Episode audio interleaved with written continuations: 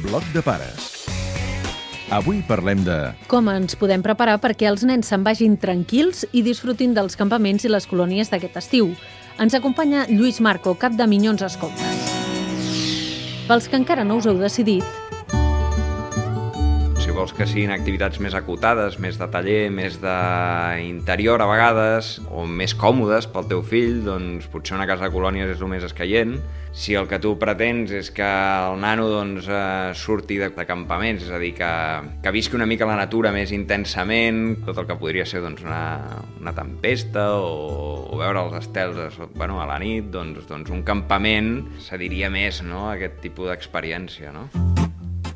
Saps què? La setmana que ve aniré de colònies. I... a partir de quina edat ens ho recomanes? Crec que a partir dels 6 anys es pot considerar doncs, que el nano ja pot començar a tenir el seu primer campament, la seva primera experiència doncs, amb, amb altres nanos, doncs, ja sigui amb colònies o campaments, i, i aquesta seria una mica l'edat. L'enviem sol o amb amics? Si el nano ja, ja ha estat durant tot l'any amb uns amics, doncs enviar-lo amb aquests coneguts i amb aquests amics doncs és, és important perquè en certa manera promous que generi una bona dinàmica, dinàmica de grup i a més aprofundeixin amb les relacions. Jo me'n vaig al Pedraforca, ens ho passarem molt bé, i farem moltes aventures i dormirem junts. Saps què ens passa, Lluís? Que a nosaltres ens fa por enviar-lo tot sol tants dies. No et trec aquesta por. Hi ha d'haver-hi un, una programació dels campaments. És un dia a dia establert, un ordre, i això els caps ho han de tenir clar. També ho han de saber explicar als pares i això és el que fan doncs, en les reunions prèvies als campaments. Quines excursions es faran, per on caminaran,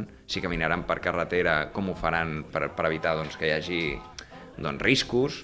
Això és important i això dona confiança i si això t'ho expliquen, això és que el cap sap exactament per on ha d'anar i, i, i ho tenen apamat. Ja estem decidits. Aquest estiu se'n van de campaments. Pujarem dalt dels cims amb el cor alegre. Una de les coses que crec que és important és fer-lo responsable de tot allò que s'endú de campaments, és a dir, que començant des de la motxilla i tot el que va dins de la motxilla, és a dir, el sac, els jerseis, la roba d'abric, la roba de recanvi...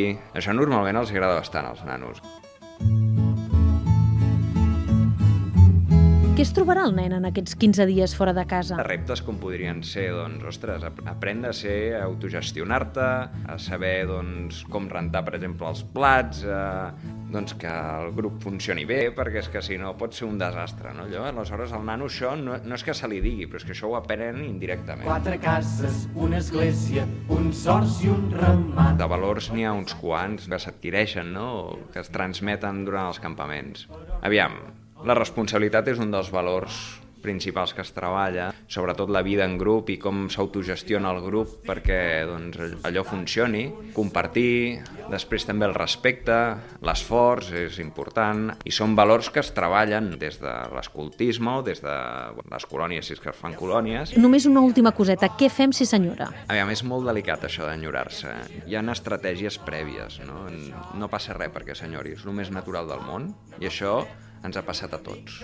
Els pares, sobretot, que no li diguin al nano que en el moment de marxar, que si a la mínima que senyora ja el vindran a buscar. Això no, perquè llavors el nano en aquest sentit no, no farà cap mena d'esforç. Escolta'm, vinga, va, prova-ho. Tu llença-t'hi i si les coses van molt malament, en tot cas, parla amb els teus caps, com els monitors, i els expliques. Bloc de pares, amb Montse Poblet. Si vols saber més, El millor que pots fer és anar-te'n de campaments o de colònies i quan tornis ens ho expliques. Segur que t'ho hauràs passat bé.